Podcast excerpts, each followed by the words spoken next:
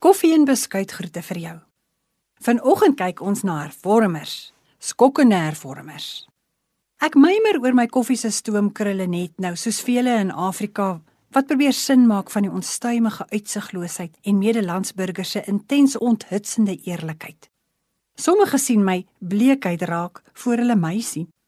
Vir hulle is ek net 'n irritasie of 'n resource. Dit gaan oor my, maar ook nie regtig nie. Dit gaan meer oor wat ek kan gee. Ander het nie altyd tyd vir 'n mens nie. Wonder jy ook soms oor etikette? In Rit 2 vers 14 sê Boas vir Rit: "Kom eet 'n stukkie saam." Boas en sy werkers eet saam voor hulle weer met hulle bedrywighede op die landerye voortgaan. Boas nooi vir Rit, een van die buitelandse immigrante, vir middagete saam met hom en sy werkers. Hy gee selfs vir haar gebraaide koring aan, waarvan sy meer as genoeg kry. Die toneel wat in die vers geskets word, is een van 'n gesellige ete.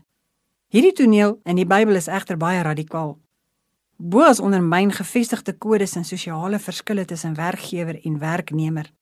Hy steur hom ook nie aan die skerp gedefinieerde geslagsrolle wat daar tussen man en vrou in die antieke wêreld bestaan het nie, veral die wat bepaal het dat vroue en mans nie saam mag eet nie.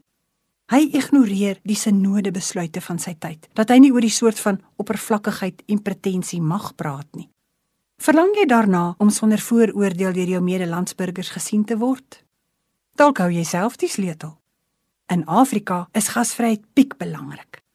Begin deur mense vriendelik te groet vrylik te meng en te vra of jy saam met mense mag eet, selfs al werk mens saam. Jy kan die deksel afval van opgeboude en gemeenskaplike haat en frustrasie tussen klasse wat tans in ons land brit en wag om oor te kook ook teenoor jou. Sluit die deure oop deur mense anders te behandel as die aanvaarde uitgediende stereotypes. Bevraagteken 'n bietjie die ingekerfde moreel korrupte geslagskodes.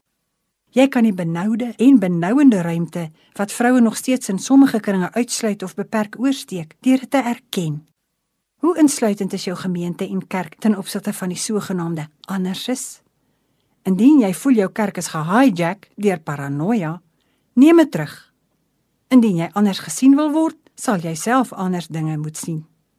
Konfronteer die verlede en die hede in al sy gewelddadigheid en jy mag dalk self minder geweld teenoor jou beleef word 'n skokkende hervormer.